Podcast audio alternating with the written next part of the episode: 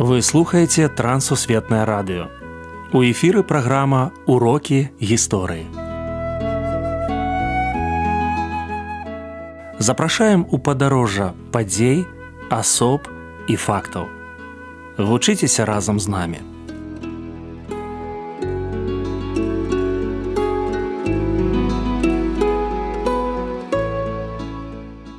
Для мікрафона сяржук брышцель і кандыдат гістарычных навук Андрусь унучак.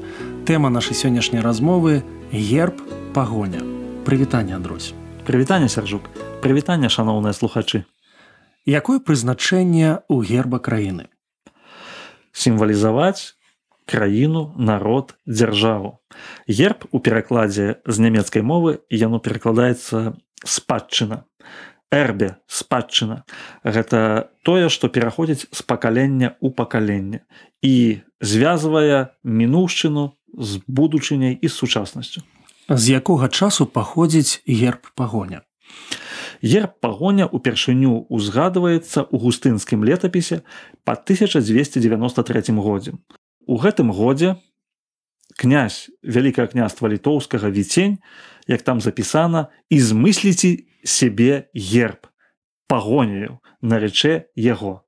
І вось на старабеларускай мове так вось першая ўзгадка пра гэты сімвал. Расскажыце калі ласка пра сімвалы закладзеныя ў пагоню. У першую чаргу гэта сімволіка біблейная. Мы бачым у кнізе адкрыцця белага вершніка і мы бачым на нашым гербе белага вершніка. Мы бачым тое што ён на чырвоным фоне і ў кнізе адкрыцця мы таксама чытаем што чырвоная паласа на ягонай шаце на ягонай вопратцы. Мы бачым што ён змагаецца са злом і таксама меч у руцэ вершніка на пагоні. І таксама крыж на ягоным шчыце. Крыж як сімвал Хрыста як сімвал хрысціянства.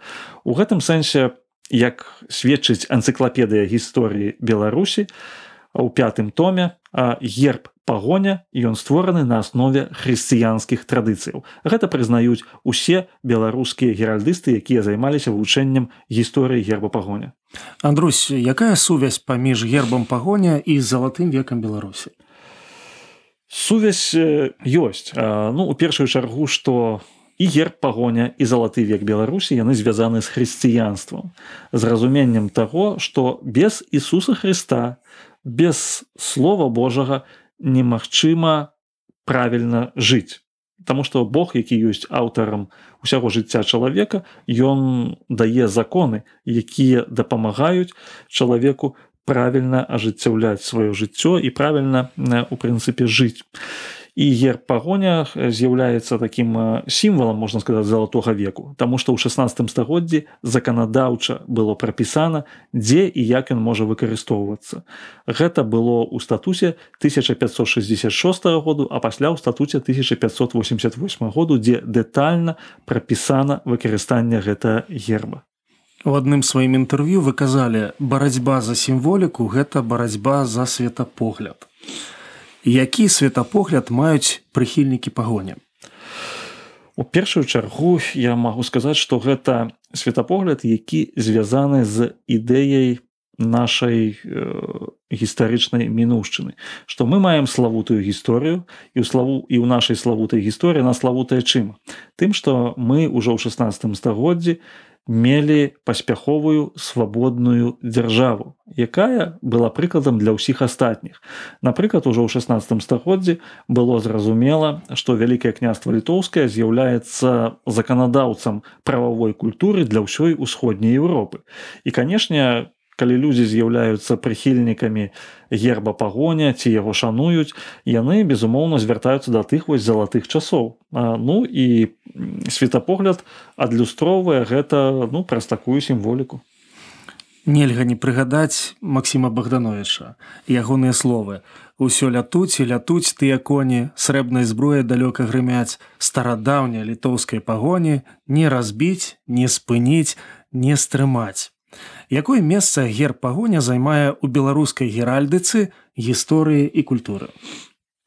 Ну калі казаць пра сучаснасць, то мы можам прыгадаць 1991 год, калі герб пагоня стаў дзяржаўным гербам Рэспублікі Беларусь. Мы можам прыгадаць 2007 год, калі ён быў прызнаны гісторык-культурнай каштоўнасцю першай катэгорыі. Пагоня стала сімвалам віцебскай вобласці. І па ўсёй віцебскай вобласці мы да сённяшняга часу бачым што яна актыўна ўжываецца. Сімвалам лепеля пагоня ёсць на гарадскім гербе рэчыцы і на гарадскім гербе магілёва. Таму можам сказаць што сёння герб пагоня ён дастаткова распаўсюджаны ось у нашай культурнай прасторы ў сучаснай рэспубліцы Беларусь.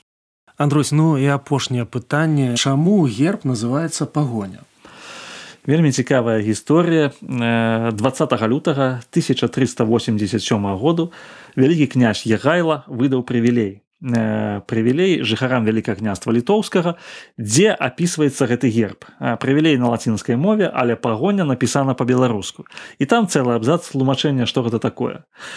Пагоня гэта звычай наших жыхароў пераследаваць ворага які ўварваўся на тэрыторыю нашай краіны калі э, крыжакі нямецкія рыцары яны прыходзілі ў вялікае княства літоўскага яны ўрываліся захоплівалі замкі захоплівалі гарады то жыхары узброіваліся незалежна ад таго былі яны у войску ці не былі кожны мужчына які мог насіць зброю яны ўзброіліваліся і пераследавалі ворага і забіралі ў яго здабычу. Мы можемм прыгадаць тут вось біблейская цара давіда мы можемм прыгадаць іншыя біблейскія гісторыі якія сведчылі пра тое што той хто моцны і ён забраў здабычу на тым ёсць яшчэ мацнейшы які гэту здабычу верне. І вось пагоня гэта звычай абароны сваёй айчыны і пераследу разбітага ворага. Гэта тлумачэнне паходзіць з 1387 году. Таму вось адзін з такіх э, сімвалаў нашай краіны ён прадугледжвае абавязак кожнага мужчыны прынамсі заступацца за сваю краіну за сваю зямлю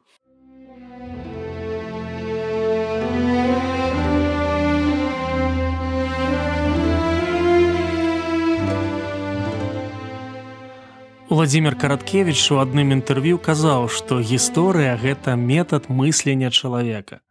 Для мяне яна сучасная сплятае з мінулым і будучым. Так атрымалася і сёння. На працягу гісторыі незалежнасці нашай краіны час ад часу адбываюцца сімвалічныя спрэчкі. Насамрэч людзей падзяляе не мова не герб не сцяг а розныя светапогляды слухаў нашага госця і думаў, а на якім баку я.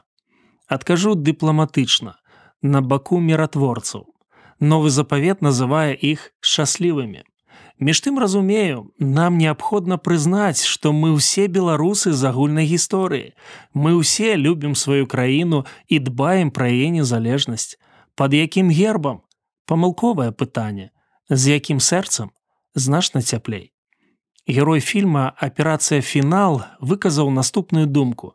Наша памяць рассоўвае межы гісторыі. Кніга ўспамінаў усё яшчэ адчыненая. Вы сёння ўпісваеце новыя раздзелы. Таму нам трэба перш за ўсё вяртацца не да сімвалаў, а да хрысціянскіх каштоўнасцяў. У іх ёсць шанец аб'яднаць наша цудоўнае беларускае грамадства.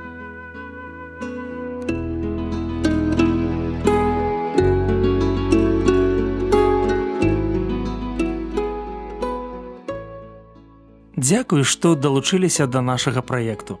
Калі ў вас ёсць пытанні, пішыце калі ласка на адрас. Трансусветнае радыё, урокі гісторыі. Паштовая скрынка 45, індекс 22 40 20, горад Брест 20, Беларусь. Пакідаю для сувязі электронную пошту rmtwr